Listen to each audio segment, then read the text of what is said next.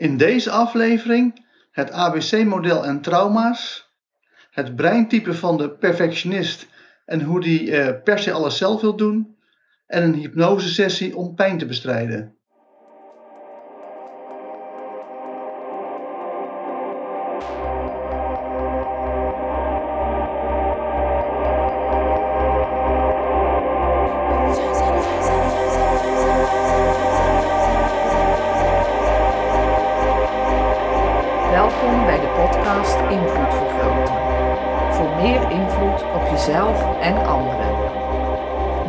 NLP Master Trainer en door de Vrije Universiteit gecertificeerde OBM Trainer Coach Joost van der Leij.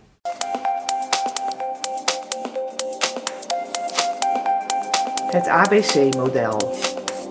In het ABC-model staat de A voor antecedenten. Alles wat voorafgaat aan gedrag. B staat voor het Engelse behavior, dat wil zeggen het gedrag. De C staat voor consequenties, alles wat na het gedrag gebeurt. Consequenties hebben veel meer invloed op toekomstig gedrag dan antecedenten. Hartelijk welkom, eh, Bardo. Eh, jij bent een van mijn helden. Ik heb veel plezier met jou in eh, de opleiding gehad. Eh, je bent niet de makkelijkste deelnemer, eh, omdat je uitgesproken eigen mening hebt, maar dat waardeer ik ook zeer. En eh, dank dat je aan deze podcast wil meewerken. Het eerste onderwerp is het ABC-model. Kun je eh, aangeven hoe jij het eh, ABC-model gebruikt in jouw leven? Zeker. Als ik graag iets wil veranderen in mijn leven, waar dus duidelijk gedrag onder zit, heb ik echt geleerd dat voor mij mijn gedrag veranderen constructief veranderd kan worden door te kijken wanneer ik niet blij ben met welke consequentie eraan vasthangt. Om daarvan uit te kijken beter een gegronde keuze te kunnen maken. Oké, Dus als iets echt heel vervelend is eh, naar een bepaald gedrag of houding van mezelf, dan is het natuurlijk handig om te weten waar dat vandaan komt. ja. Maar ook vooral wat het creëert. En zeker als dat niet positief is, dan hoe kan ik dat omdraaien? Nou, dan heb je de drie facetten om, eh, om jezelf in de spiegel te kijken en te zeggen van hé, hey, als er dit en dit gebeurt, reageer ik waarschijnlijk zo. Dat wil ik dus niet meer, dus ik ga zorgen dat bepaalde triggers of andere situaties zich niet meer voor gaan doen. ja.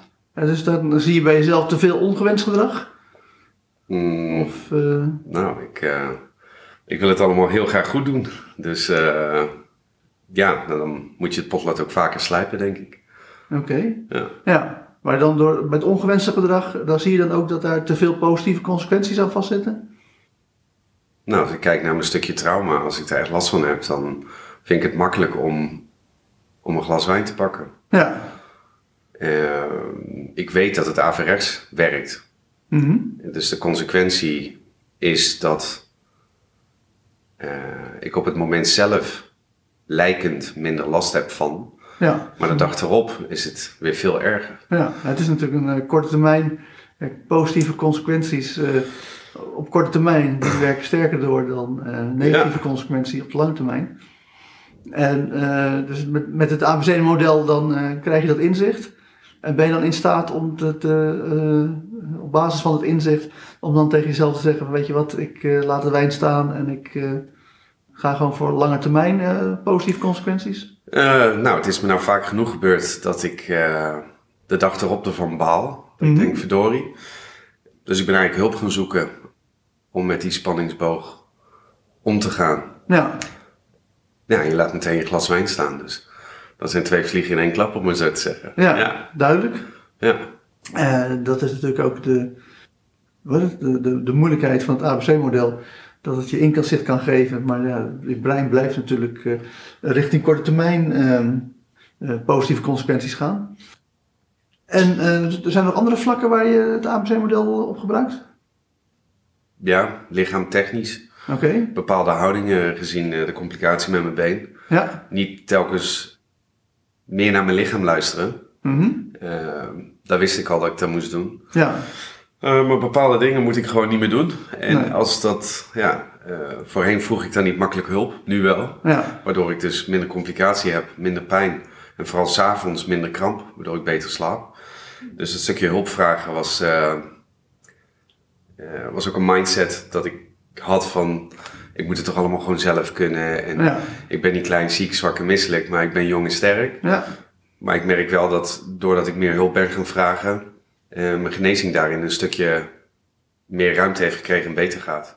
duidelijk. Waardoor ik uiteindelijk het weer meer zelf kan. Ja. Dus ja. Dus in dit geval had je eh, gedrag qua lichaamshouding, hoe je je lichaam houdt, wat eh, tot negatieve consequenties leidt. ja, compenseren, toch doen. Ja. Ja. En, maar je hebt uiteindelijk gemerkt dat die negatieve consequenties dan zo sterk worden dat je uiteindelijk toch eh, met het gedrag eh, bent opgehouden. Met name ook omdat je dan alternatief gedrag aangeleerd hebt, namelijk hulpvragen. Ja, En dat leidt tot eh, positieve consequenties. in dit geval wel, ja. Ja. En dat kwam allemaal uit de gedachte, eh, uit een gedachte van dat het niet de bedoeling is, niet nodig is. eh, en ik kan het zelf wel. Ja, Dus ja, dus als ik dan nu mijn ervaring terugzie op hoe ik dacht, dan ben ik heel blij dat ik eh, meer vertrouwen heb om dingen aan te pakken. kijk. En die stukjes veranderen in jezelf, Mhm. voel je eigenlijk een beter mens van. En heb je Ja. meer eh, ontspanning. Ja. Ja. Nou ja, het zijn allemaal positieve consequenties. Mooi.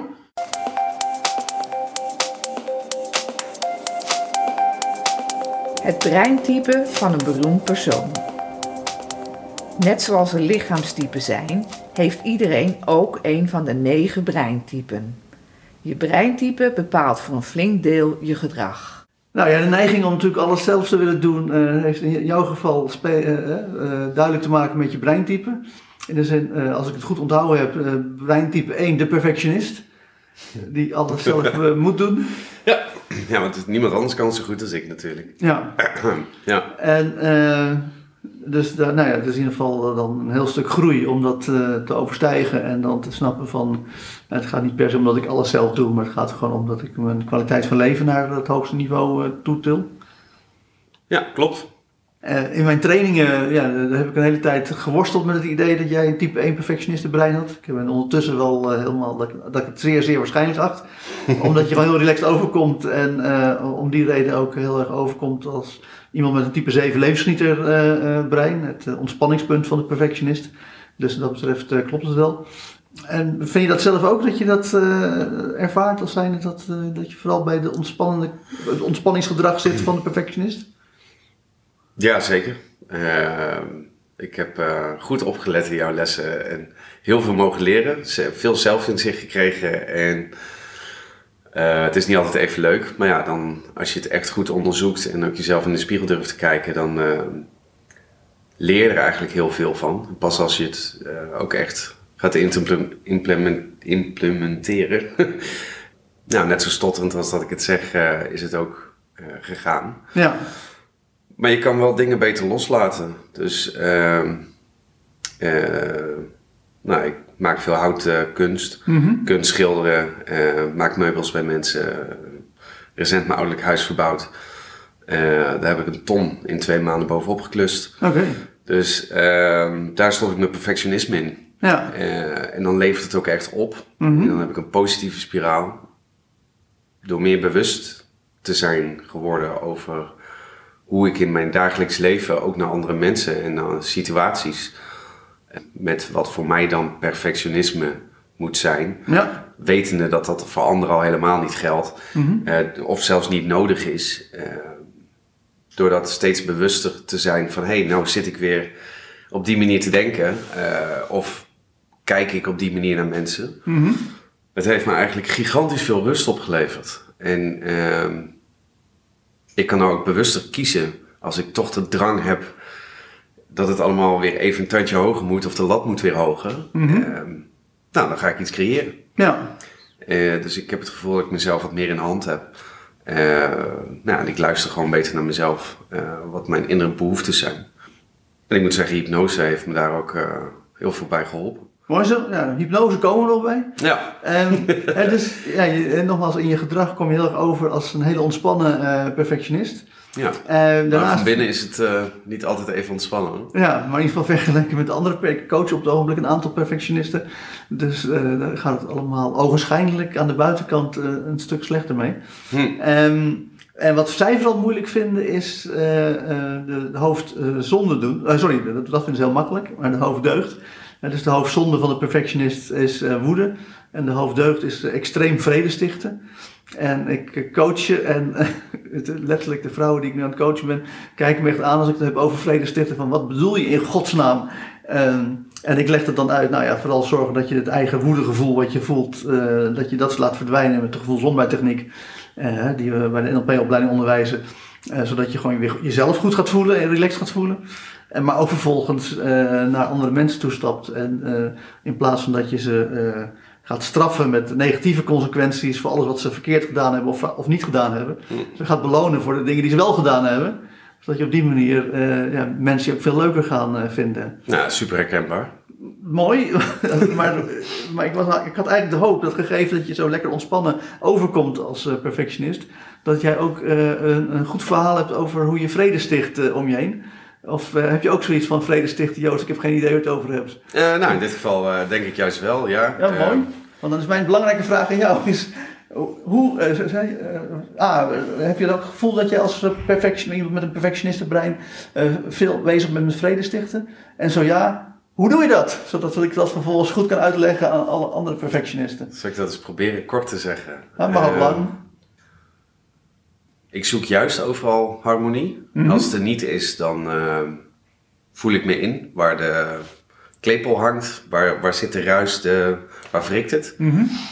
uh, probeer mensen waar dat ze me toelaten. Uh, maar dat is eigenlijk vooral in de eerste en tweede kring. Dus doorgaans is dan het contact wel prima. Ja. Nou, in dit geval gaat het ook een hoop over relatiecoaching. Dus dan gaat het echt over hoe de perfectionistenvrouw continu ruzie maakt met uh, haar type 9 bemiddelaar man. Dus, dus. Ja, uh, ook herkenbaar. Uh, ik wil zelf altijd beter worden. Mm-hmm. En andere mensen vinden het ook goed zoals het is. Ja. Dan, vroeger kon ik nog wel eens, ruzie is een groot woord, maar in ieder geval wel een discussie starten van... Mm-hmm. hey, ik zie dat je bijvoorbeeld zo je eten snijdt. Maar als je het net anders vasthoudt, kun je A, ben je veiliger en B, kun je sneller. Up ja. en up, dat is toch hartstikke goed. Alleen de ander die denkt, bij de hand, arrogant, uh, het wordt toch gesneden? Ja. Dat is toch het doel? Nou, waar zul je dan over? ja, als er problematieken zijn, ik wil mensen dan.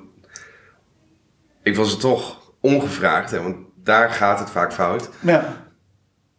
Wil ik ze helpen beter te worden? Maar ja, dat is natuurlijk mijn versie van beter. Mm -hmm. En dan kun je het efficiënt noemen. Uh, in dit geval met mijn voorbeeld over het snijden.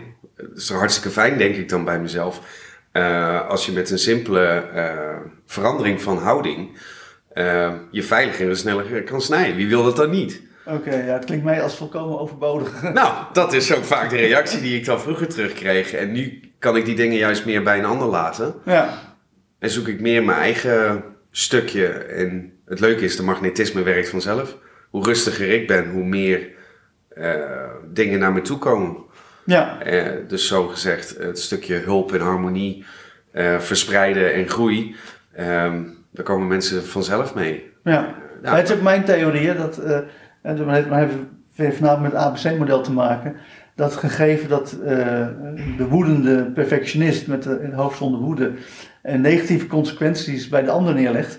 En dat zorgt ervoor dat de ander nog, meer, nog minder gaat doen uh, van wat de perfectionist wil. Hm. Want de perfectionist ziet alles wat er niet gedaan is en wordt daarom boos. Uh, maar ja, die geeft die negatieve consequenties nadat ze wel iets gedaan hebben.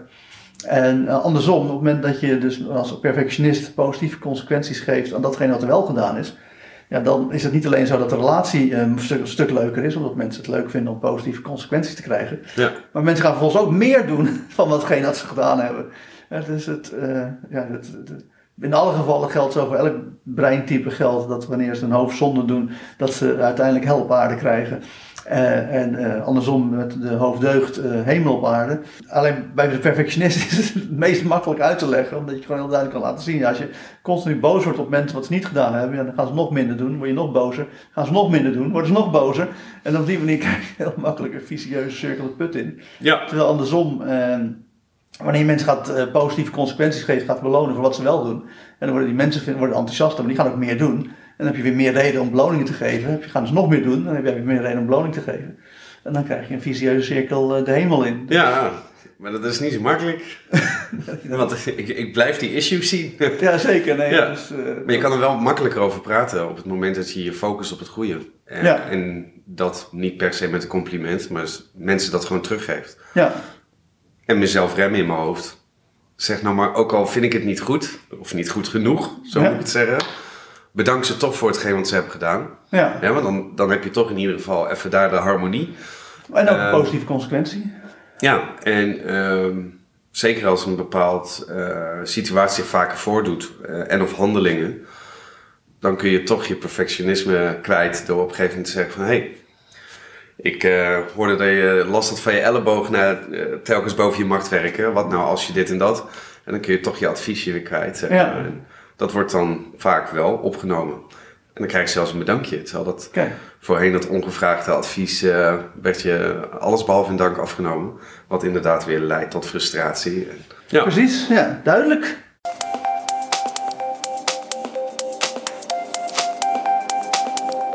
Hypnose.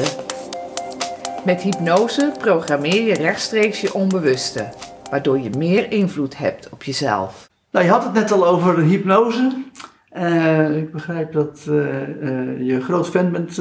was je misschien al van hypnose, maar dan in ieder geval meer geworden in de opleiding. zeker. Er zit natuurlijk heel veel op hypnose in de opleiding. Kan je eens aangeven wat jouw goede ervaringen met hypnose zijn? ja, ehm, eh, ik heb vroeger gestudeerd als paragnost. Mhm. En daar moesten we eigen geleide meditaties maken. Ehm, nooit geweten dat ik daar al hy- hypnose in gebruikte. Ja, Dat kwam ik allemaal te leren toen ik eh, bij jou NLP ging doen. Dus dat gaf me allereerst al een goed gevoel van vertrouwen. Mhm. Eh, zeker omdat het dan al vanuit jezelf komt. Ik begreep alleen hypnose niet goed. Ik heb chronische dystrofie in mijn rechteronderbeen. Dat is allesbehalve prettig en doet veel zeer de Ja. hele dag door.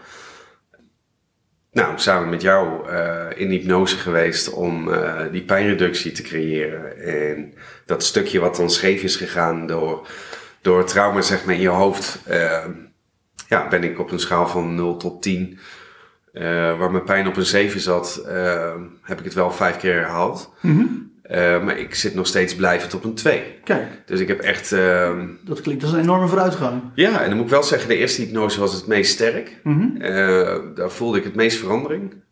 Daarna weet je natuurlijk hoe je die hypnose kan herhalen en hoe je opnieuw daar hè, met, met eh, je, je klankbord in je hoofd van hé, hey, waar moet ik nou zijn om wat te creëren? Ja, Ja, en ik merkte gewoon na de vijfde keer dat.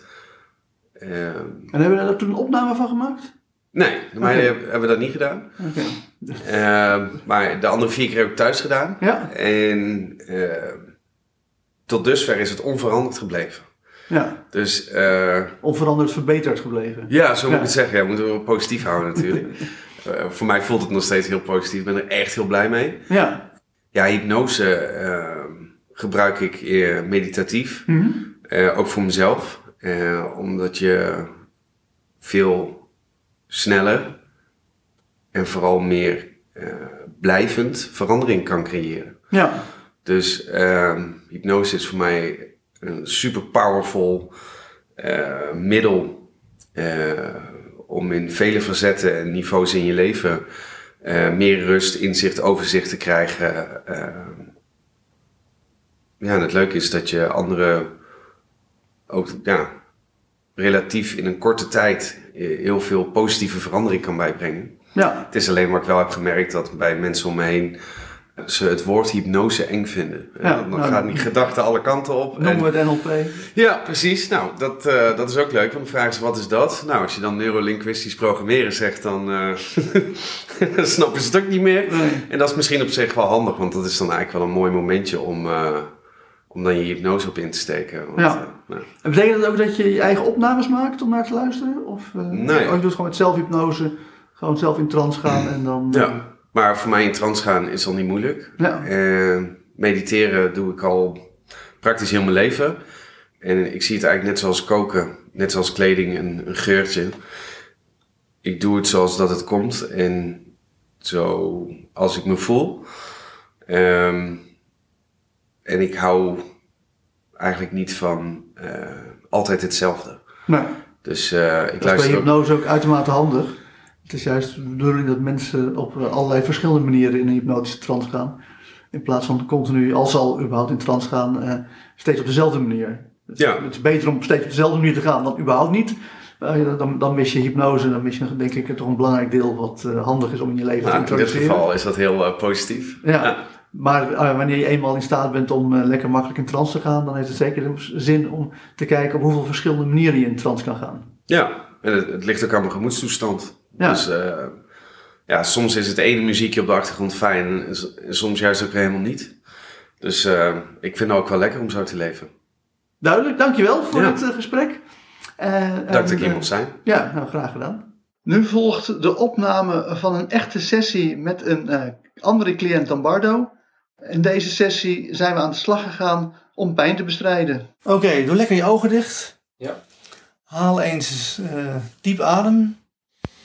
In door je mond, uit door je neus. Nou. En ontspan. Diep door gewoon heel relaxed naar mijn stem te luisteren. En te weten dat mijn stem met je meegaat. Zodat je op elk moment ook weet wat de volgende instructie is. En dan kan het best zijn dat ik een instructie geef waar je denkt van nou, daar heb ik helemaal geen zin in. Doe je gewoon iets wat erop lijkt, waar je wel leuk lijkt. Um, bovendien gaan we het heel makkelijk maken. Door gewoon te beginnen met deel 2 van de gevoelsomdertechniek. Namelijk gewoon terug te reizen, terug te gaan naar een moment waarbij je heerlijk ontspannen was. Um, en ik weet niet wat voor moment dat is. Of dat nou een moment is dat je lekker op vakantie was en dat je in de zon lag. De warmte van de zon op je huid voelde. Of het moment dat je in bed lag en je dacht ik draai me nog eens een keer om en ik slaap en droom weer verder. Maar welk moment je ook te pakken neemt, wanneer je dan gewoon weer verbeeldt waar je bent, met wie je er was, uit je ogen kijkt, zodat je weer helemaal zag uh, en weer verbeeldt. En misschien ook de geluiden terug laat komen van je toen hoorde. Dan merk je dat je ergens in je lichaam begint te ontspannen. Dat ergens in je lichaam een soort gevoel komt, meestal een soort warm gevoel, maar dat hoeft niet altijd, maar meestal wel dat ergens dat warme gevoel of ontspanningsgevoel zit. En ik weet niet of het je linkerbeen is of je rechterbeen, je rechterarm, linkerarm, je buik, je borstkas, je nek, je hoofd. Maar waar dat gevoel ook zit, op het moment dat je erop gaat focussen, gaat merken hoe het door je lichaam beweegt, merk je dat je steeds dieper en dieper ontspant. Ontspan dieper. En dan is het prima om dus niet alleen de beelden van ontspanning te hebben en het gevoel van ontspanning, maar ook allerlei gedachten te hebben van ontspanning. En het kan best zijn dat allerlei nog gedachten door je hoofd heen gaan. Dat is prima. 95% van de mensen, wanneer ze zo'n ontspanningsoefening doen, die zijn nog bij, die weten nog allerlei dingen, allerlei gedachten door hen heen. Dat is prima. Uh, het is prima om die gedachten te laten gaan. Het enige wat ik je ga vragen is om die gedachten steeds langzamer en zachter te maken. Zodat het prima is ergens over na te denken. Maar dat je dan gewoon steeds zachter en langzamer erover nadenkt. En dat is dan ook de opdracht voor jouw bewustzijn de komende tijd. Om continu beelden van ontspanning voor je geest te halen. En als je op een gegeven moment een bepaald moment wel genoeg hebt gezien, ga je gewoon verder terug in de tijd om nog meer te ontspannen. Dan ondertussen het gevoel van ontspanning goed te voelen, te voelen hoe het door je lichaam beweegt. En je gedachten steeds langzamer en zachter te laten gaan. En dan ga ik ondertussen met je onbewustzijn aan de slag. Wat je ook bent, uiteraard. Want je bent natuurlijk je bewustzijn en je onbewustzijn. Om iets bijzonders te doen. Namelijk een rad van fortuin voor te stellen. Met tien getallen. Dan ga ik zo meteen dat rad van fortuin in gang brengen.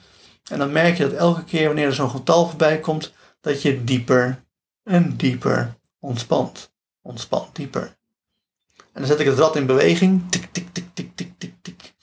En dan zie je, dan komt het eerste getal voorbij, 10. En dan merk je dat je dieper en dieper ontspant. En dan komt 9 voorbij. En dan merk je steeds meer een gevoel van welbehagen, welzijn, kracht, rust, zelfvertrouwen. Zich meester maakt van je hele lichaam. Van het puntje van je hoofd tot de uiterste puntjes van je vingers, puntjes van je tenen. Dat je steeds dieper en verder en meer ontspant. En opeens komt vijf voorbij. En dan merk je dat je een heel stuk dieper gaat in één keer. Juist hem op die manier. En dan vier. Steeds dieper en verder in een gevoel van ontspanning. En opeens is acht, komt voorbij. Denk je, hè? Maar voor je het weet is het weer weer zeven. En dan merk je dat je weer dieper en dieper gaat ontspannen. Juist hem op die manier. Heel goed. En dan zes. Steeds verder. Meer een gevoel van ontspanning in. Drie. Twee. Eén. En wanneer we één aangekomen zijn, dan gebeurt er iets nog bijzonders. Namelijk dat je onbewustzijn gewoon door blijft gaan met ontspannen. Steeds verder, steeds dieper. En ook door steeds verder gaat aftellen naar 0 en min 1. En tegelijkertijd dat dan alle zwaarte in je lichaam naar de linkerkant van je lichaam wordt verplaatst. Dat je linkerarm steeds zwaarder wordt, je linkerbeen, je linkervoet. En alle lichtheid in je lichaam naar de rechterkant gaat. Je rechterbeen, je rechtervoet, je rechterarm. Zodat alle zwaarte meer en meer zich naar links begint te verplaatsen.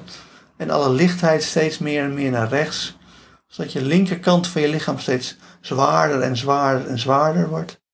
En ondertussen de rechterkant van je lichaam steeds lichter en lichter en lichter en lichter. Op een gegeven moment wordt je rechterkant van je lichaam zelfs zo licht dat met name je rechterhand en je rechterarm als het ware zo licht beginnen te worden dat ze uit zichzelf beginnen op te stijgen. Of dat je onbewustzijn je rechterhand omhoog begint te bewegen. Of dat wanneer ik hem zo meteen aanraak, dat hij uit zichzelf omhoog komt staan en uit zichzelf omhoog blijft staan.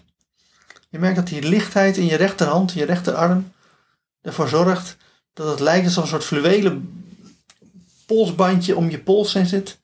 En dat daarmee aan het luchtballon zit gekoppeld, waarmee die rechterhand, rechterarm, heel ontspannen, relaxed, steeds lichter en lichter wordt. En uit zichzelf langzaam maar zeker steeds verder omhoog en omhoog en omhoog komt. Of wanneer ik hem zo meteen optil, uit zichzelf blijft staan. Waarbij je gewoon merkt dat je rechterarm, rechterbovenarm, je rechterhand steeds ontspannender, steeds dieper in ontspanning, steeds meer een eigen wil krijgt, waarbij je de rechterhand omhoog wilt en omhoog wilt, omhoog gaat. Of wanneer ik hem zo oppak in enkele seconden, dat hij uit zichzelf blijft staan. Dus dan raak ik je rechterpols aan. En dan verstijven je spieren vanzelf. Zodat die hand uit zichzelf zo blijft staan. En dan ga ik zo meteen, maar nu nog niet, tot drie tellen. En met drie, drie raak ik je rechterhand aan. En die laat je hem zo onbewust als mogelijk zakken. Maar enkel alleen op die snelheid waarmee je verder en dieper ontspant. En tegelijkertijd je onbewustzijn samen met het creatieve deel van je brein drie tot vijf nieuwe oplossingen gaan zoeken op een hele makkelijke manier pijn te verminderen en pijn te stoppen. Dus ik ga je rechterhand aanraken en dan laat je hem zo onbewust en zo langzaam mogelijk zakken. Enkel alleen op die snelheid waarmee je onbewustzijn samen met het creatieve deel van je brein drie tot vijf nieuwe oplossingen vinden en zoeken om te zorgen dat je daadwerkelijk minder last van pijn krijgt, minder ergering krijgt, dat de pijn steeds vaker door afleiding verdwijnt of sowieso verdwijnt of op een andere manier gewoon gemakkelijk stopt of verdwijnt. Want de werkelijkheid is dat de manier waarop pijn werkt een groot mysterie is in de zin dat het onderdeel is van het bewustzijn. En dat we totaal niemand enig idee heeft hoe het brein bewustzijn produceert. Wat we wel weten bij pijn is dat op een of andere manier een signaal komt en dat verwerkt wordt in een bepaald deel van je brein op een bepaalde manier. En dan zorgt het voor een pijnervaring. Maar feitelijk gezien weten we dat die pijnervaring puur door je brein gegenereerd wordt, puur iets is wat je brein doet. Bovendien weten we dat het twee verschillende bronnen kan hebben. Het kan zijn dat het een fysiek signaal is wat uit je lichaam komt, of het kan zijn dat het een signaal is vanuit het backup systeem, wat uh, gebruikt wordt om te voorkomen dat uh, je een gat in je lichaam zomaar over het hoofd zou zien. En of het nou een fysiek signaal is of een backup signaal, beide maakt niet uit. Want het enige wat je, onbe wat je onbewustzijn hoeft te doen, is ervoor te zorgen dat het signaal steeds minder uh, goed bewust gemaakt wordt. Dat het steeds minder erging krijgt, dat je steeds vaker en makkelijker afgeleid bent. Dat het steeds ongevoeliger wordt, dat het steeds gemakkelijker wordt om uh, geen pijn te voelen, er geen erging te hebben, er geen last van te hebben. En de manier waarop je onbewustzijn dat kan doen is heel eenvoudig. Of ervoor te zorgen dat er minder van het signaal binnenkomt bij het brein, of dat het voor het brein makkelijker wordt om het signaal te negeren. In jouw specifieke geval is het zo dat je bij artsen alles hebt laten nakijken, dat we weten dat er geen gevaar is, geen schade en dat er niks misgaat als je het pijnsignaal geheel negeert of geen last meer van hebt of verder niks meer van merkt. Dus dat betekent dat je onbewustzijn de komende dagen, de komende weken, uh, stapje voor stapje gaat uitproberen, experimenteren om te kijken op wat voor manier de pijn steeds makkelijker genegeerd kan worden, verminderd kan worden of gestopt kan worden. Zodat je steeds eenvoudiger, gemakkelijker merkt, of eigenlijk steeds minder merkt dat je pijn hebt, steeds minder merkt dat je er last van hebt, steeds minder merkt dat het je stoort, uh, of omdat het helemaal verdwenen is, of omdat het signaal gewoon veel minder sterk geworden is. Bovendien is het zo dat je dan ook steeds meer merkt dat zeg maar, de echte Roy, de, wie Roy in essentie is, de Roy die uh, je graag weer terug wil hebben, dat die steeds makkelijker en eenvoudiger naar boven komt. En steeds meer ervoor zorgt dat hij weer jezelf wordt en zorgt dat dingen weer beter gaan. Um, dat is natuurlijk een Roy die je al een tijd lang gemist hebt, die een tijd lang uh, geen erg in hebt gehad. Maar dat betekent nog steeds dat het nog steeds helemaal in je zit om dat ook daadwerkelijk gemakkelijk erboven te krijgen. En meer jezelf te worden en meer weer te worden hoe het was. En dat naarmate je merkt dat meer ontspannen, meer het verleden loslaten, meer dingen verwerken, dat ervoor zorgt dat er ook minder spanning komt te staan, dat er minder druk is en minder een pijnervaring, dan wordt het ook steeds gemakkelijker om heel eenvoudig en simpelweg stapje voor stapje ervoor te zorgen dat je ook steeds meer jezelf wordt, steeds meer jezelf terugvindt en steeds meer de rooi wordt die je wil worden en waarvan je weet dat het ten diepste ook in je zit. Waarvan je weet dat die in de komende jaren ergens weer tevoorschijn komt. En dat hoeft niet per se vandaag of morgen te zijn, maar dat je wel weet dat het gewoon heel makkelijk is om stapje voor stapje weer die kant op te werken. En in die realisatie is het ook goed om te bedenken dat wanneer je over twee jaar terugkijkt naar dit moment, dat je ziet dat dit het moment is waarop de eerste stappen gezet zijn, waarop de eerste veranderingen gemaakt zijn, waarbij je gemerkt hebt dat de eerste manier al makkelijker en eenvoudiger wordt om met de situatie om te gaan, uh, meer jezelf te zijn, minder last te hebben van een pijnsignaal, uh, of omdat het signaal gewoon uitdooft, of omdat het brein minder het signaal omzet naar een pijnervaring. Um, en dat je dat op die manier ook daadwerkelijk het voor elkaar hebt gekregen. En met die gedachte dat wanneer je over twee jaar terugkijkt naar dit moment, dat je weet dat dit het moment is waarop de verandering in gang is gezet, het goede pad gevonden is en de eerste stappen zijn gezet. Dat is ook een goed moment om dat in die realisatie weer wakker te worden. Dus om die reden ga ik tot vijf tellen. Bij vijf open je ogen, word je weer helemaal wakker. Eén, je hoort mijn stem. Twee, je voelt jezelf op de stoel zitten. Drie, je begint weer helemaal terug te komen in deze kamer. Vier, je begint je ogen te openen. Vijf, je wordt wakker, wordt wakker, wordt wakker. Open je ogen en wordt weer helemaal wakker, wakker, wakker, wakker, wakker. Ook zeker gegeven het feit dat je nog door het verkeer dient uh, uh, rond te rijden. Zodat je zo meteen zonder enig risico te nemen naar de plaats van bestemming uh, toe gaat. Dank voor het beluisteren van de podcast Invloed Vergroten. Voor meer gratis tools om je invloed te vergroten, ga naar invloedvergroten.nl.